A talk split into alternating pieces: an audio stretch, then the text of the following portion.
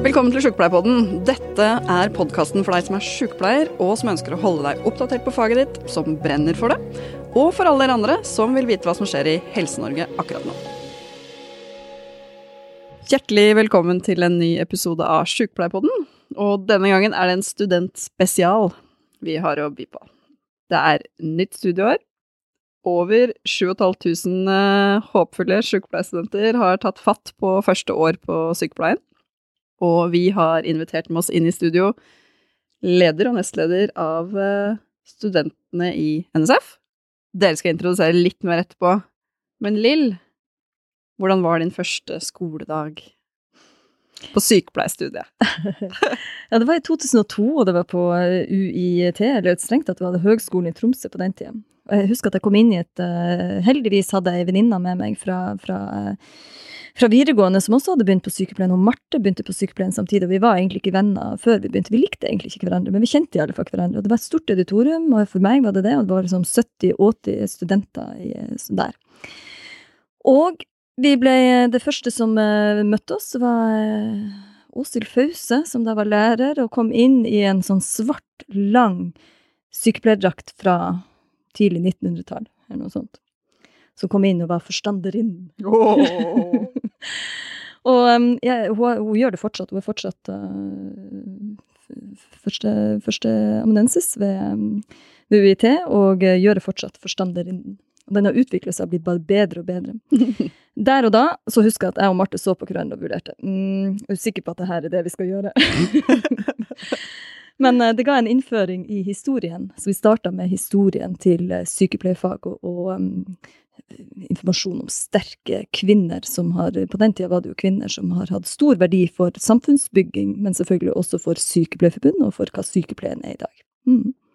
Oh, ja. Jeg tenkte på det og hva som var min, min første dag på studio. Jeg begynte på, på Høgskolen i Oslo, og det var 400 stykker i kullet. Kjempestore kull. Jeg kjente null mennesker. Ingen. Det som er litt morsomt, er at den eh, første uka, da, fadderuka, apropos nå for alle studentene kjeft fordi de fester og er på fadderuke og mm. sånn, men den uh, uka så fikk jeg uh, fem venninner, fire venninner, som uh, i dag er mine aller beste venner. Super Nurse Mafia. Intet mindre. så det er en hilsen til dere. Mm. og det var så fint. Men uh, i, uh, i Sykepleierforbundet er vi utrolig heldige og har en veldig sterk studentorganisasjon. Og det har vi hatt uh, i mange år, og de er veldig viktige for oss fordi de rekrutterer masse medlemmer. Og sykepleierstudentene er jo i stor grad medlemmer i, i, NSF. Og før sommeren så ble det valgt ny ledelse. Edel, som er leder, og Kent, som er nestleder. Kan ikke dere si kort om deres bakgrunn? Vi begynner begynne med deg, Edel. Ja, jeg eh, heter da Edel og er opprinnelig fra Sandnes, men jeg flytta til Hammerfest for fem år siden. Så begynte jeg på studiet, sykepleierstudiet for fire år siden, og ble ferdig utdanna nå i juni. Fordi jeg tok jo et år eh, permisjon fordi jeg ble mamma, mm. og da tok det et år seinere enn de som jeg starta opprinnelig med i 2016. Mm. Så bra. Og Ken? Ja, jeg heter jo da Kent. Jeg er opprinnelig fra Lofoten. Jeg er 27 år og går um, Jeg er fremdeles sykepleierstudent. Jeg har valgt å ta et år permisjon for å jobbe som da studentenes leder i Norsk Sykepleierforbund. Um, sånn at jeg har òg utsatt utdannelsen min et år. Mm. Og da når jeg er ferdig som studentnestleder, så skal jeg begynne på tredje året på Nord universitet i Bodø. All right.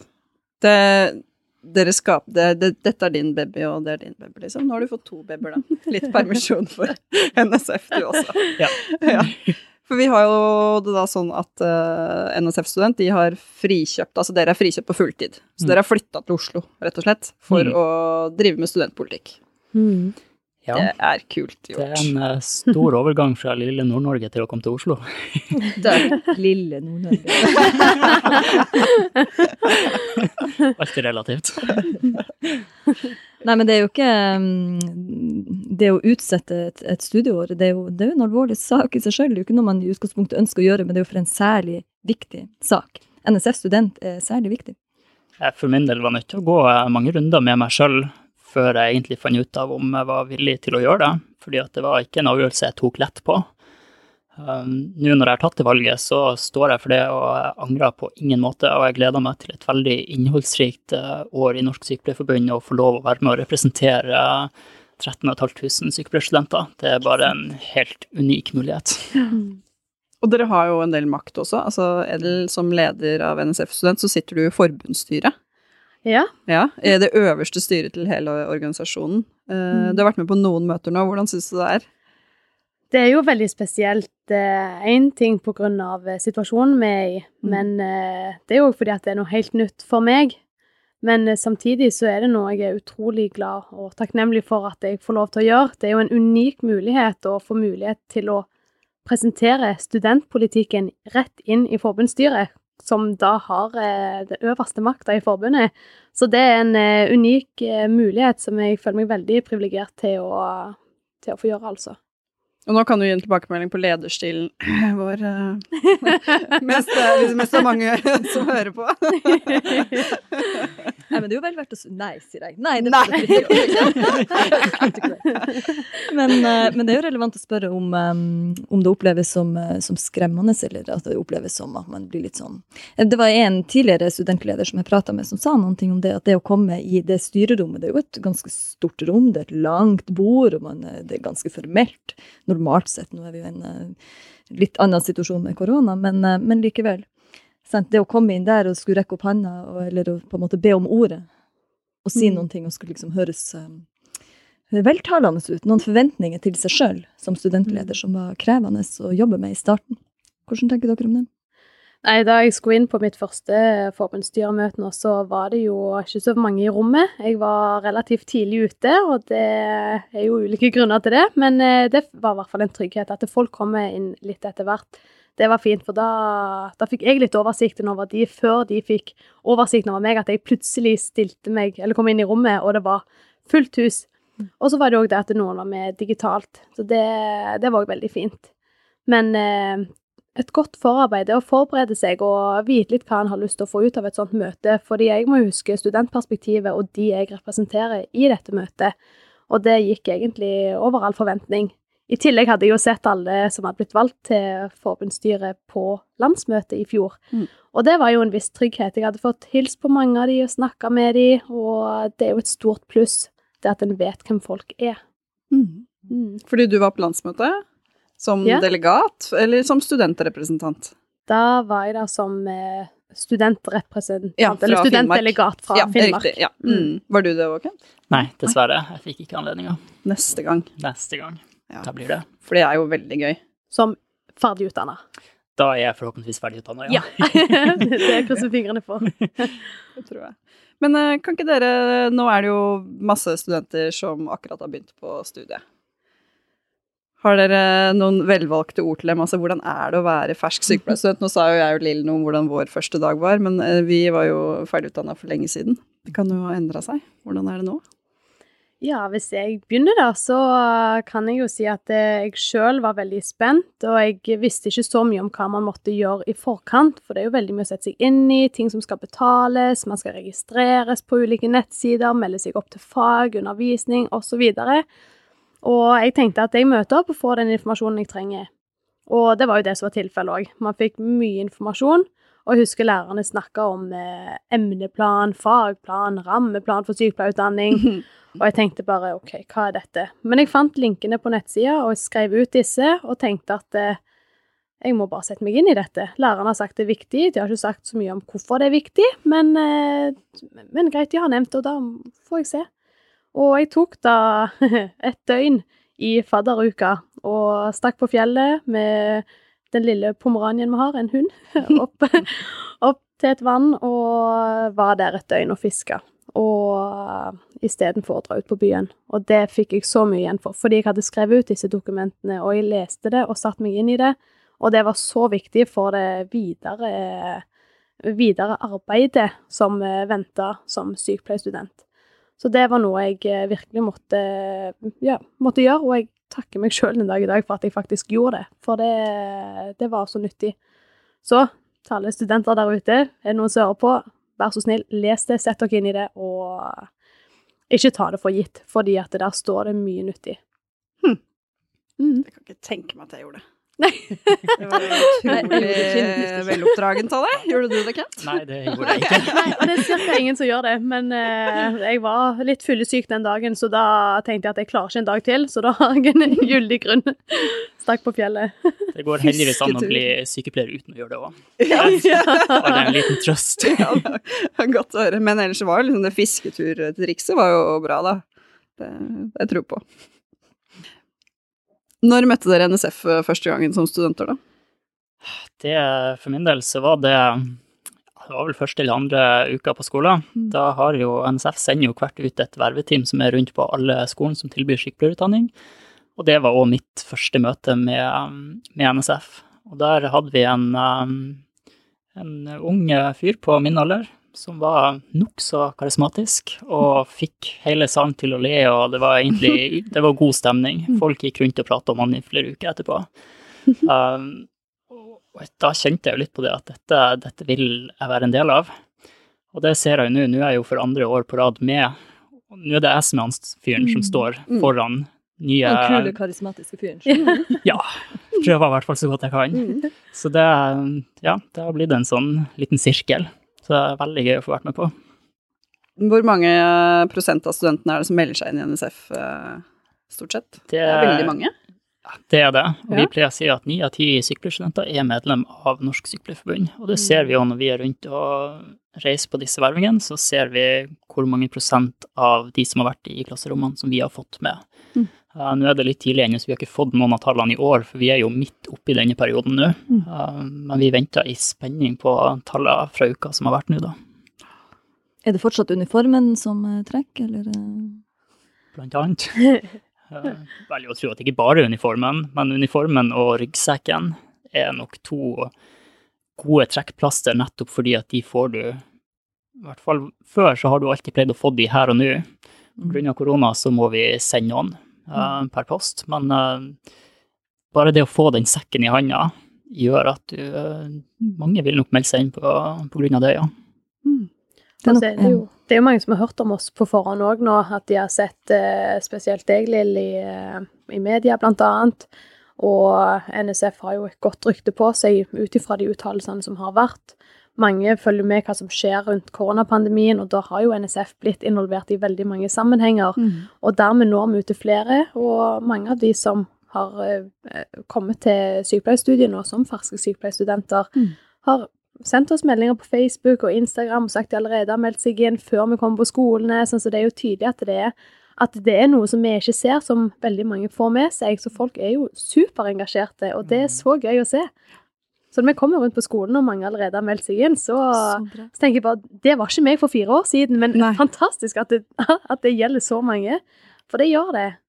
Og det har nok noe med den koronapandemien vi står overfor nå, at eh, folk skjønner at det er viktig å ha et forbund i ryggen. Og det er jo ofte noe av det vi sier òg, at man er ikke bare det gratisdæsjet som du får her og nå, men det er så sinnssykt mye mer enn det.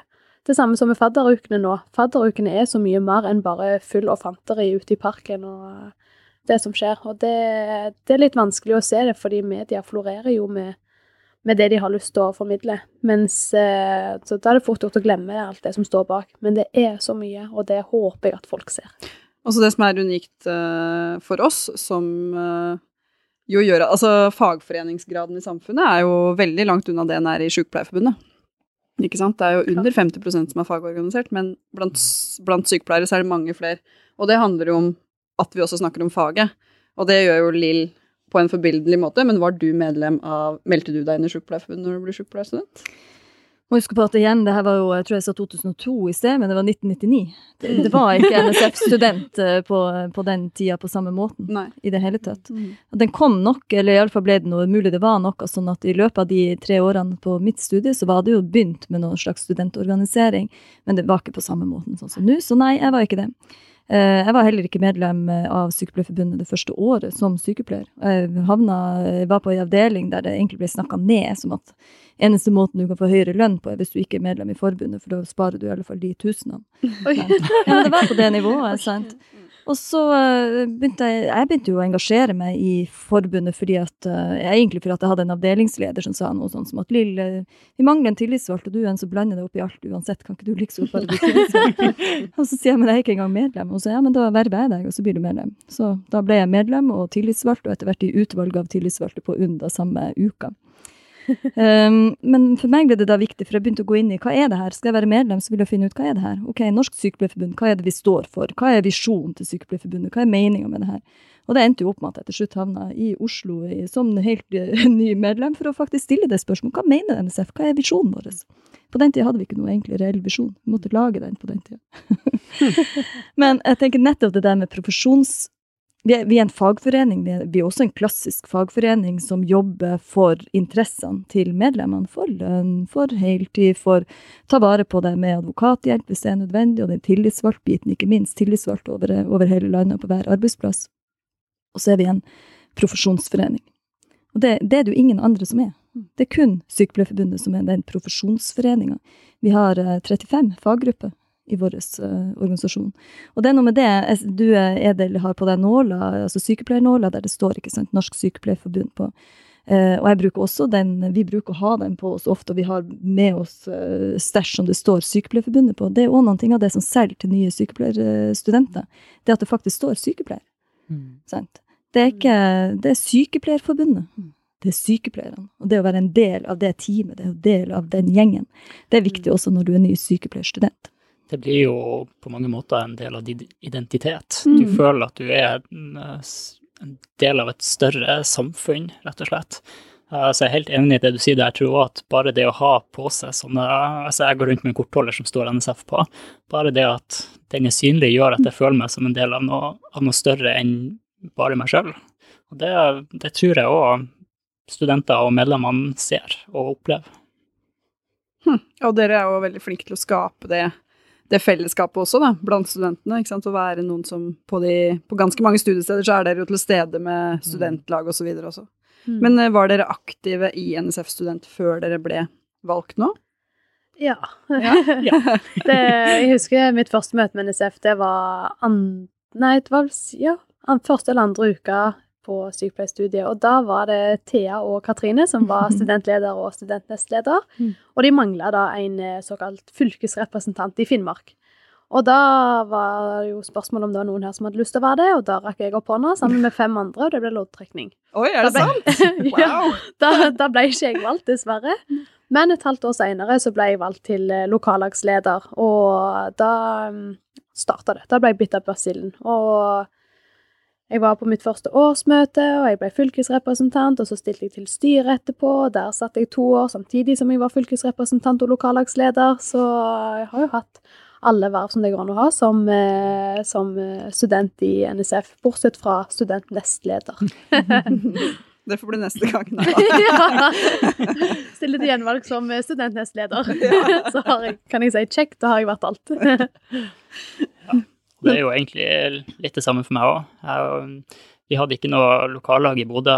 Og første, etter jeg hadde vært på årsmøte til NSF Student første gang, så følte jeg meg litt alene.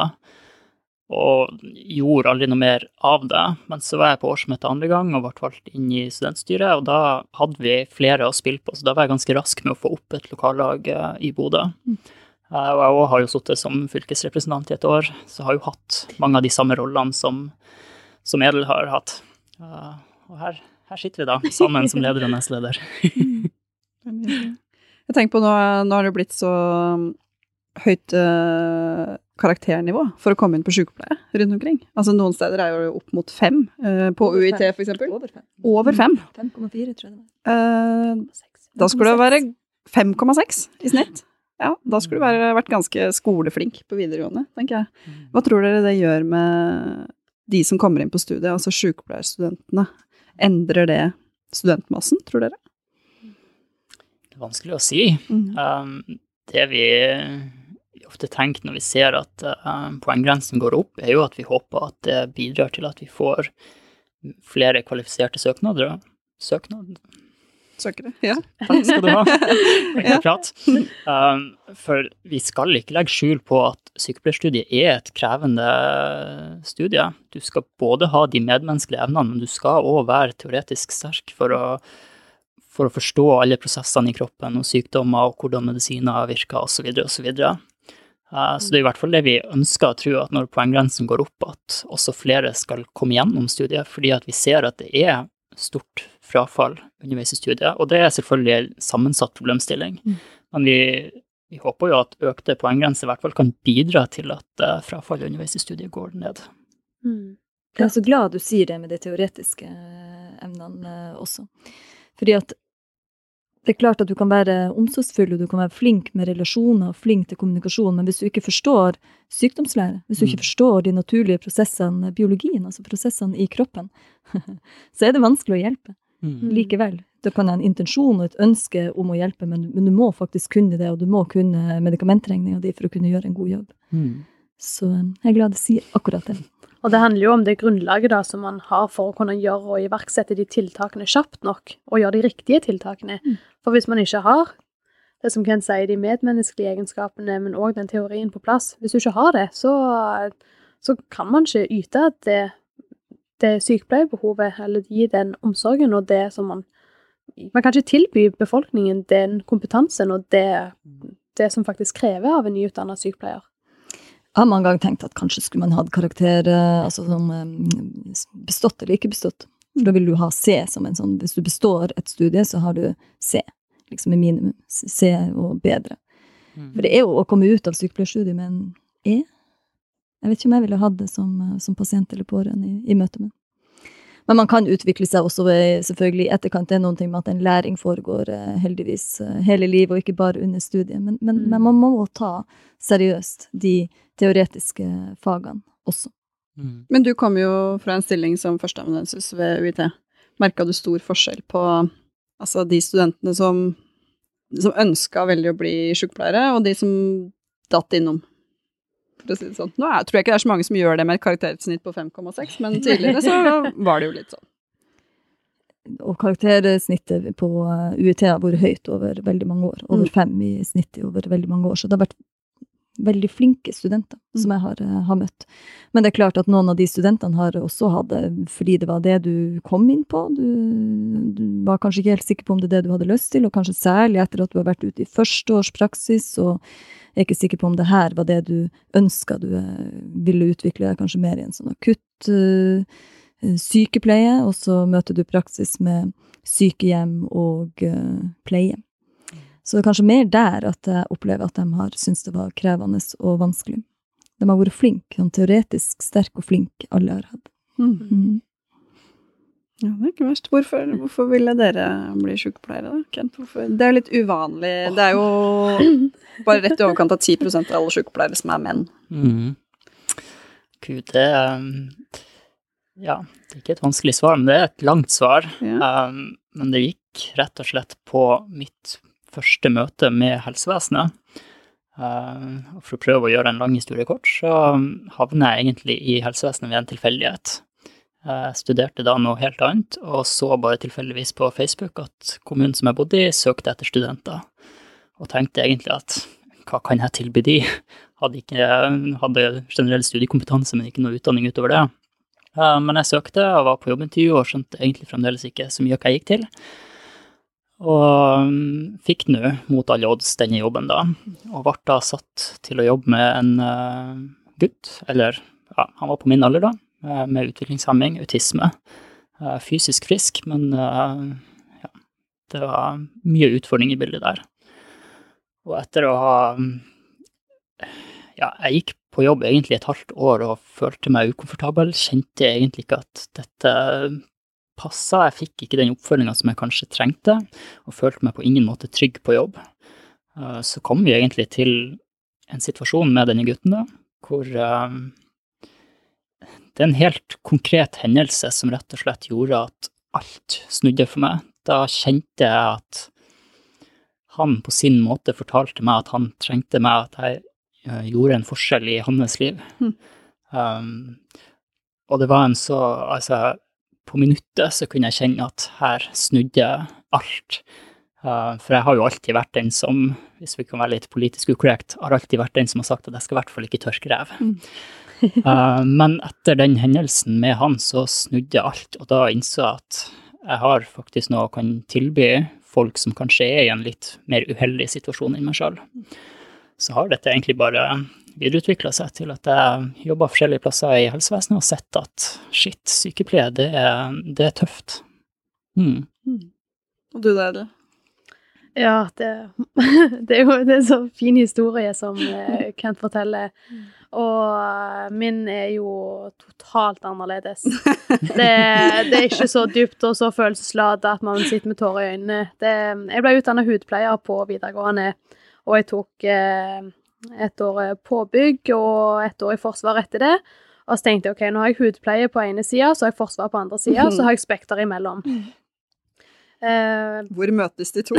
ja, det, det, var nesten det. Og så tenkte jeg at nei, jeg, jeg har lyst til å videreutvikle hudpleieyrket. Så etter jeg hadde jobba et år som hudpleier, så tenkte jeg at jeg må jo nesten studere sykepleien for å kunne vite nok om kroppen og hvordan produkter fungerer, hvordan huden er oppbygd, og hudsykdommer og alt, alle disse lidelsene som folk kom inn med, at de gjerne hadde synlig utslett eller eksem. Altså, det var så mye forskjellig som folk plagdes med, som var synlig.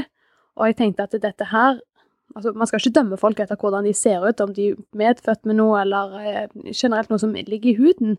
Og mange som har så nedsatt eh, selvtillit og selvbilde at de ikke vil ut blant folk fordi de f.eks. har eh, sliter med akne. Det er så mye, mye man ser som jeg tenkte at det, hvis jeg kan behandle dette, og jeg ser hvor bra de føler seg etter å ha vært til behandling hos meg, f.eks., så tenkte jeg at da skal jeg videreutvikle dette og kunne tilby de gjerne enda mer bedre behandlinger med å være ferdig utdannet sykepleier. Så jeg tenkte OK, etter sykepleier, da kan jeg videreutdanne meg til dermatologisk sykepleier, f.eks. Så det, det, var egentlig der det starta. Mm. Og eh, i Hammerfest òg så er det ikke så veldig mange andre muligheter for å studere. Og det eneste jeg tenkte da, at jeg vil ikke ha et avstandsforhold. Så jeg studerer sykepleie i Hammerfest fordi jeg ikke har lyst til å bo langt unna typen min. Og, og jeg kom gjerne til studiet. så da ble du sykepleier, og så flytta jeg til Oslo. ja. Nei, jeg er jo pendler da, heldigvis. Så jeg får dra hjem til de i morgen, mm. hele familien. Det gleder jeg meg til. Mm.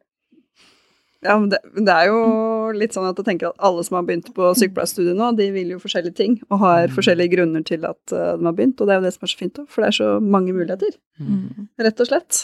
Det, du, var det drømmen din å ta doktorgrad og bli lærer?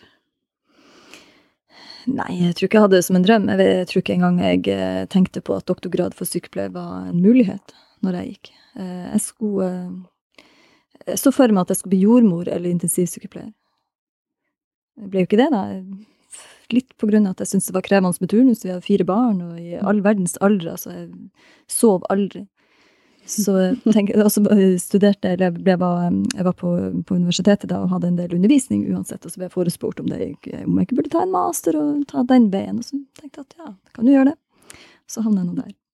Og det er jo også en mulighet. Vi trenger langt mer eh, sykepleierforskning, vi trenger flere sykepleierforskere etter mm. hvert. Mm. Det er også en mulighet. Mm. Ja, det er jo faktisk kjempeviktig, og jeg tenker at uh, kanskje det, de studentene som studerer nå, er mer oppmerksom på den muligheten også. Mm. Ikke sant? At det faktisk den bachelor, master, ph.d.-veien uh, er noe man kanskje snakker om også tidligere i det du starter på sykepleie, som en sånn karriere, karrieremulighet. da. Jeg hadde ikke engang en bachelor. Altså, når jeg var ferdig utdannet, så det, det året etter ble det første året med bachelor. Du ser veldig ung ut. Ja, det vet. Helt utrolig.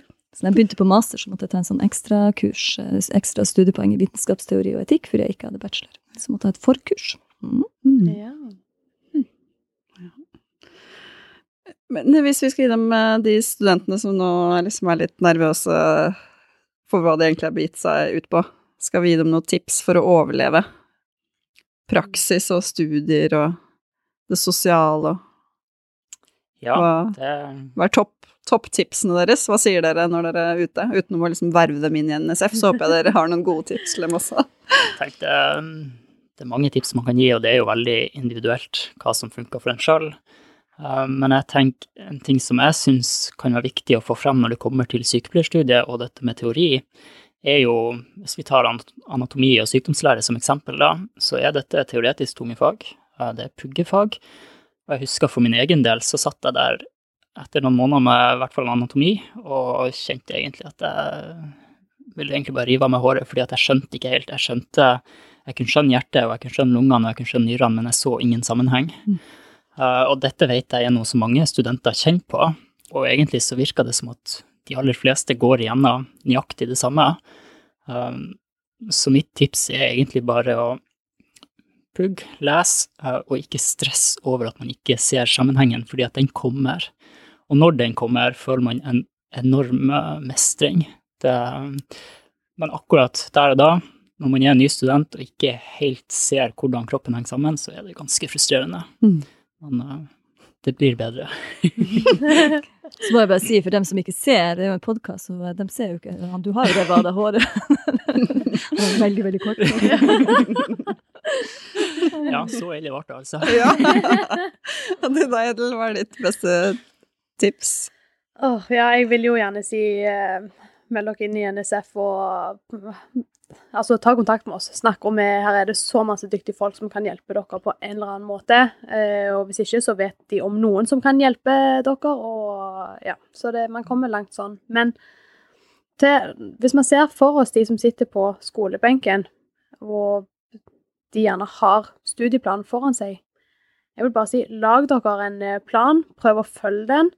Ha litt struktur og orden, for det blir mye informasjon, mye dokumenter og mye oppgaver, eksamener dere skal gjennom, og det vil være ulikheter. Så hvis du kjenner noen som studerer en annen plass enn deg, mm. ikke bli frustrert for at de gjør det annerledes enn dere. Det er rett og slett bare sånn det er. Men eh, da kan jeg jo spytte inn at vi jobber jo for at det skal bli en eh, enhetlig og helhetlig sykepleierutdanning overalt i landet. Og men tilbake til poenget mitt. Lag dere en plan, og følg den. Og dere må bare vite hvor mye dere faktisk får igjen for det, fordi at det, det har litt å si. Mm. Dere er jo skikkelig gode på studietips, da. Det som er litt morsomt, jeg sitter og tenker på at uh, du sier liksom at ja, husk at de der eh, puggefagene, og du må bare pugge og sånn. For, for, meg så var det uh, Ja, det, jeg pugga det. Mm. Men det jeg syns var aller vanskeligst med å begynne på sykepleien, det var at vi hadde sånne uh, mappeinnleveringer hvor du skulle liksom refleksjonsnotater, og, skulle, og det var et eller annet språk som jeg ikke kunne. Så jeg husker, og jeg er ganske sånn teoretisk sterk, men da på min første mappeinnlevering så strøk jeg. Så tenkte jeg bare, hva F er det som skjer, liksom? Har jeg begynt på sjukepleien, og jeg stryker? Det er jo så flaut. Går det an? Jeg skal være flink i det her, liksom. Men eh, jeg, det, det, var et eller annet med den måten å formulere seg på, eller sånn som jeg ikke hadde helt fått grep om. Og så er det jo vanskelig. Ikke sant? For én ting er jo anatomi, da. Der kan du lære deg at sånn er det. Mm. Og så du, er det to streker under svaret. Men det er det jo ikke her. Altså, det, var, det er ikke de to strekene under svaret. Så det syns jeg var det aller vanskeligste. Jeg vet ikke helt hvordan man skal Utenom å ha kanskje en god lærer som gir deg god veiledning, eller en uh, gruppe med studenter, da hadde jo jeg kara til meg de der veldig fantastiske mhm. sykepleierjentene som jeg kunne studere sammen med. Men det, det, tror jeg er mitt beste tips, å finne noen mm. å studere med, rett og slett. Mm. Hva er ditt tips? Jeg kan kjenne meg igjen i det som du også beskriver. Jeg strøk nok ikke, men jeg fikk eh, dårligere karakter på de her typiske refleksjonsinnleveringene, mens jeg fikk god karakter på alle de her som var sånn typiske teoretiske anatomi, fysiologi, patologien. Um, og for min del så handla det om at jeg syntes at det var så uh, Nå så dere ikke det heller, men jeg himla med øynene. Men jeg syntes at det var så mye selvfølgeligheter i en del ut av denne type omsorgsteorien. Mm. Som jeg tenkte at det her har jeg jo lært fra barnsben. Jeg har lært hvordan jeg skal kommunisere, hvordan jeg skal uh, møte folk, hvordan jeg selvfølgelig skal ta dem i handa osv. Så, videre. så jeg hadde ikke referanser på en del ut av det som jeg syntes var selvfølgeligheter. Og når jeg ikke hadde referanser, mm. så hadde jeg jo selvfølgelig ikke lest, og det hadde jeg jo strengt tatt heller ikke på den tida. Og dermed så fikk jeg fikk aldri bedre enn C. Det var ikke mulig å få bedre enn C, for jeg hadde ikke noen referanse. bare levert inn. Mm. så det kan være lurt å bla litt i, i de bøkene òg. Og så, når jeg da har uh, fått eh, erfaring med å jobbe som sykepleier, så ser jeg at man, man har faktisk Og vært i praksis også, så ser jeg jo at det har en verdi. Den sykepleierteorien den gir en dybde og en forståelse på en annen måte enn det jeg så fra begynnelsen av, om at du selvfølgelig kan komme inn i et rom og se folk i øynene og innby til tillit og få til en samtale. Det er noe mer dybden i det. Så mitt tips eh, vil være Får jeg lov å komme med to? Mm, eh, ja, det er greit. Okay. Du er sjef. Takk. Em, s- bruk lærerne. Uh, det er et tips. Lærerne vil dere godt. Eh, de forventer noen ting, og de krever noen ting av deg som student, men de vil deg godt. Så bruk dem når det er vanskelig, spør dem om vanskelige ting, men også vis at dere har nettopp det som Eder prater om, den strukturen, at dere har den viljen til å lære og forstå, at dere har en viss oversikt. Eh, Men bruk lærerne, og fortell dem gjerne når det er noen ting som er vanskelig i livet ditt. De vil deg godt. Tips nummer to er å øve på faglig argumentasjon. Hele veien gjennom studiet ditt. Så det at du ikke bare leser det inn i deg sjøl, men du skal prøve å øve på Det er der de studiekameratene kommer inn, den, den, det som du snakker om, Mm. Silje. Eh, Øve deg på å si det høyt. Hvis du skal argumentere foran noen andre nest, når du skal ut i jobb, så skal du argumentere overfor legen, overfor økonomen, satt, på, satt på spissen her for det er egentlig det vi gjør. Og selvfølgelig i møte med pasient og pårørende, men særlig når du skal forklare ut ifra ditt sykepleierfaglige perspektiv. Sant? Det er det du er satt i jobb til, så skal du faktisk kunne argumentere faglig. Så øve på å si det høyt også. Det er viktig. Og det er en del av det man gjør under studiet også. Det er jo derfor man blir pusha på å ha foredrag, forelesninger, det å ha de her ti minuttene du skal bare opp og si noen ting. Det handler også om det. Du skal øve på å argumentere faglig. Så gjør det. Og gjør det gøy. Jeg tenkte egentlig, eh, Rett før du sa det, så tenkte jeg egentlig litt på det samme, og det kan føles veldig uvant eh, når man er ny sykepleierstudent, at man alltid skal kunne begrunne absolutt alt man gjør, kanskje til og med også de tingene som man har lært fra barn av. Um, og nå vet jo ikke jeg hvordan det er på andre studiesteder, men det vet jeg at mine lærere på Nord universitet har vært veldig flinke til å i gåsida mase om at du alltid skal begrunne det du gjør. Uh, og det merker jeg at dette er noe som jeg tar med meg også når jeg er ute og jobber. Um, jeg jobber på sykehus til vanlig, og dette tar jeg med meg at jeg alltid må kunne begrunne det jeg gjør. Jeg skal ikke gjøre noe bare for å gjøre det, fordi at da jobber jeg egentlig ikke sykepleierfaglig. Um, så akkurat det du sier der, tenker jeg også er et veldig, veldig viktig poeng. Mm. Det var veldig fint sagt. Du skal begrunne det du gjør, hvis ikke så jobber du ikke sykepleierfaglig. Lill lager sånne rare bevegelser med. Jeg skal rekke et fly. det er fordi hun skal rekke et fly. En time og et kvarter. Jeg må- som, så hun må avs vi må avslutte. Sorry. Men uh, før vi avslutter, så må vi snakke om uh, man kan bli sykepleier. Mm. Uh, fordi det har jo vært litt hjertebarnet til studentene, og som vi helhjerta har uh, støtta opp om. Men kan dere ikke fortelle hva er det? Hva er man kan bli sykepleier? Jeg vet ikke hvem av dere som Slåss om det. Vi snakka litt om det i sted, og jeg bare ser Det er fint på jo, um, jeg og Edel har jo stått i studentstyret ett år i lag Mm. nå i fjor, og dette har jo vært uh, barnet til oss begge. Uh, Man kan bli sykepleier er rett og slett en uh, holdningsendrende kampanje vi kjører på Facebook, hvor poenget egentlig bare er å vise at også menn kan bli og bør bli sykepleier. Og det, måten vi gjør det på, er at vi um, utfordra mannlige sykepleiere eller sykepleierstudenter til å fortelle litt om hvorfor de ønsker å bli sykepleier, og gjerne um, også hvor jobber de? Er det noen som jobber på akutten, f.eks.? Fortell litt om hvordan dette er. Er det noen som jobber på sykehjem? Fortell litt om hvordan dette er, bare for å vise spennet som sykepleieryrket faktisk er. Fordi at, og det kjente jeg på sjøl òg, før ja, når jeg som sagt ikke hadde lyst til å tørke ræv, så var det jo fordi at jeg visste jo egentlig ikke hva sykepleieryrket var for noe. Jeg hadde altså jeg hadde null peiling på hva det egentlig var snakk om. Og når jeg nå, som sykepleierstudenter, vet litt mer hva jeg faktisk kan gjøre med dette yrket, så det åpner seg jo en hel verden, og dette ønsker vi å formidle ut til alle menn som kanskje ikke helt vet hva man kan gjøre med sykepleien. Og det er så mange fine historier som har blitt delt på, på Facebook-sida vår, så hvis noen hører på nå som ikke, har, eh, som ikke har hørt om det før, søk opp 'Man kan bli sykepleier', Mm. og så leser dere mange fine historier, deler det med noen dere tenker kan passe til sykepleieryrket, og kanskje du til og med får en åpenbaring om at det, 'oi, dette visste jeg ikke at sykepleiere drev på med'. Og det er jo litt det når man ser menn gjør det, fordi det er jo ikke det som gjerne er bildet utad for sykepleierne, dessverre. Mm. Det ja, så ta en kikk inn på Facebook-sida og les noen flotte historier og bli inspirert. Så vil jeg bare skyte inn at uh, vi trenger alltid nye historier, så gjerne Mm. send oss en melding inne på Facebook-sida der uh, med din historie. For Mm. uh, vi vil veldig, veldig gjerne høre den, fordi at alle har en egen unik historie.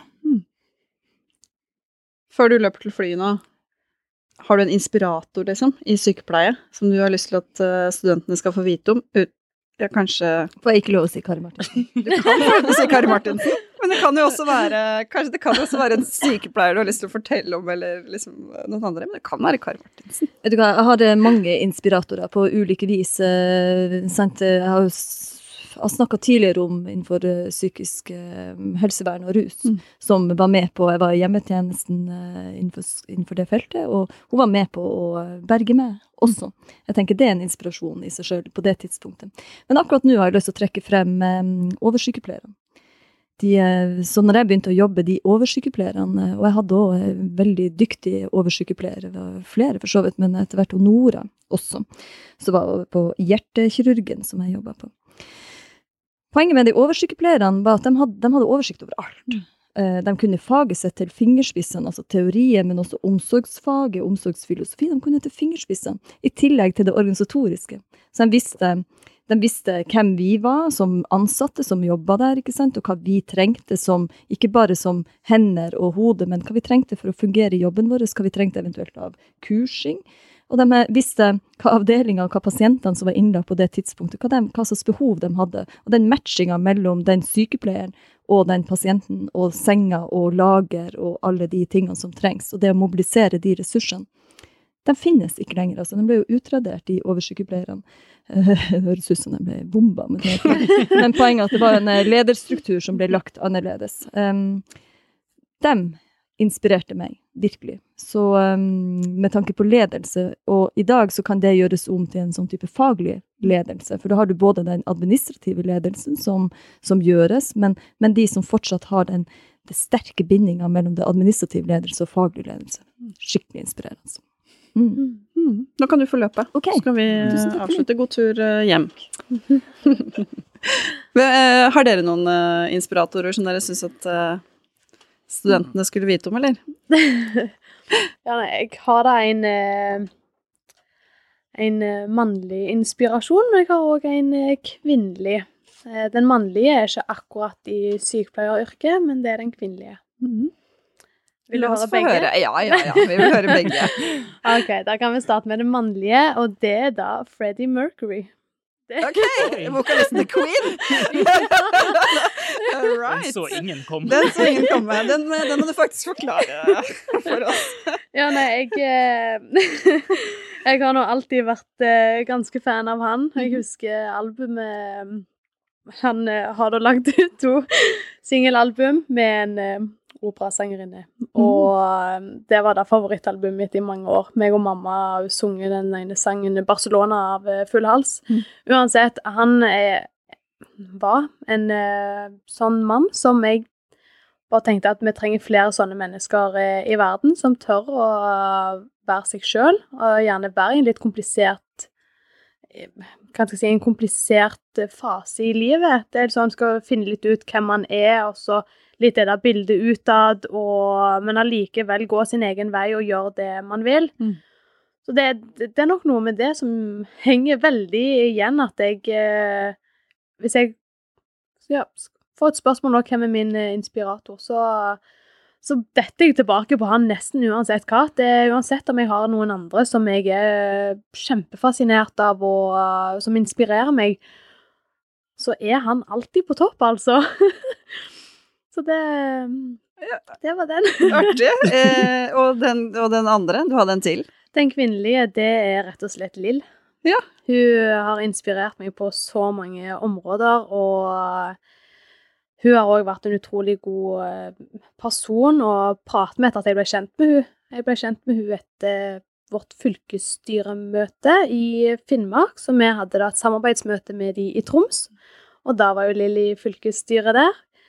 Og vi har hatt to samarbeidsmøter, på det ene møtet der var hun, og da annonserte hun at hun hadde lyst til å stille til leder, og jeg merka bare med en gang at hun hadde min eh, oppmerksomhet, Og vi fikk snakka mye sammen under middagen vi hadde, og etter hvert som jeg har blitt mer og mer kjent med henne og sett hva hun gjør, hva hun kan få til, hvordan hun ordlegger seg og formulerer seg, og ja, så hun, hun er rett og slett så tydelig, modig og stolt at eh, det hadde vært så feil hvis jeg hadde sagt et annet navn nå. Det er nesten som med Freddie Mercury. Det, var, det, det er kun Lill som eh, står i hodet på meg som eh, min eh, sanne inspirasjon.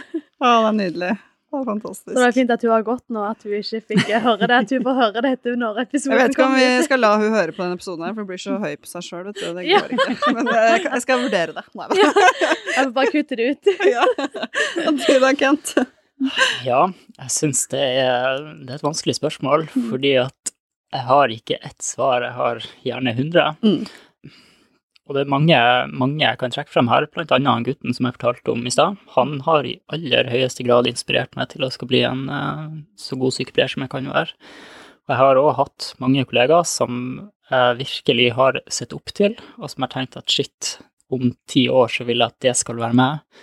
Og det er gjerne fordi at de er veldig kunnskapsrike, at de kan faget sitt, at de er gode på dette med å, ja, med å argumentere hvorfor de gjør det de gjør. Men så tenker jeg òg en ting som jeg syns er veldig viktig som arbeidstaker, da, er ledelse. At man har en god leder. Og når jeg da sier en god leder, så mener jeg gjerne ikke en som nødvendigvis kan å forvalte et budsjett best mulig, men en som både klarer å drifte ei avdeling på så god måte som mulig, men som òg ser sine ansatte. Eh, Da gjerne både privat og profesjonelt. At man faktisk kan vise litt omsorg hvis det er noe som skjer privat, men at man òg ser styrker og svakheter til eh, sine ansatte.